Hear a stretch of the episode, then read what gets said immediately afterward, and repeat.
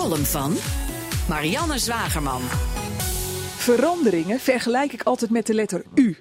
Vandaag sta je nog op het ene pootje van de U en morgen kukel je er zomaar vanaf. Je kunt er ook vanaf springen, maar dan heet het innovatie. Als je op dat ene pootje staat en denkt: wow, aan de andere kant van de U heb ik veel meer kansen. Meer winst, een mooier leven, wat je drijfveer ook maar mag zijn. Je springt en verzint een list om tegen dat steile pootje aan de overkant omhoog te klimmen. Hongerig naar het avontuur dat daar op je wacht. Hoe anders is het voor mensen en bedrijven die niet springen, maar eraf vallen? Die durven vaak niet eens te geloven dat het een U is. Misschien is het wel een I en vallen ze te pletter. Misschien is er helemaal geen overkant. Ze proberen al tijdens hun val terug te klimmen tegen het pootje waar ze vanaf kwamen. Ik zie uitgevers van kranten en tijdschriften dat doen. Ze waren ooit bang dat hun lezers alles gratis zouden willen. Die angst bleek ongegrond, maar de andere 60% van hun inkomsten van adverteerders is inmiddels bijna verdampt. En die komt nooit meer terug.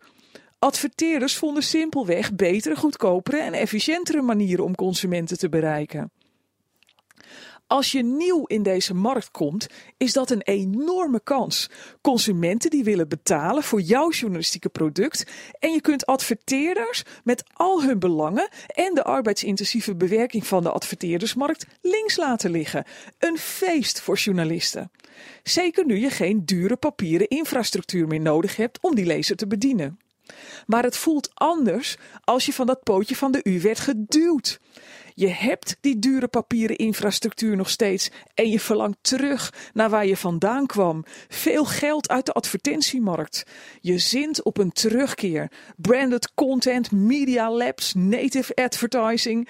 Er worden verschillende kreten voor bedacht, maar vrijwel elke papieren uitgever heeft inmiddels wel een clubje opgetuigd om op een andere manier geld bij adverteerders weg te halen. Volkskrant hoofdredacteur Philip Remark ging zaterdag met de billen bloot om uit te leggen hoe zijn moederbedrijf, de persgroep, dat doet.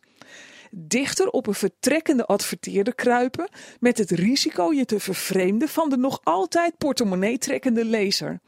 Misschien beklim je dan het verkeerde pootje. Reken het businessmodel van de overkant ook eens door.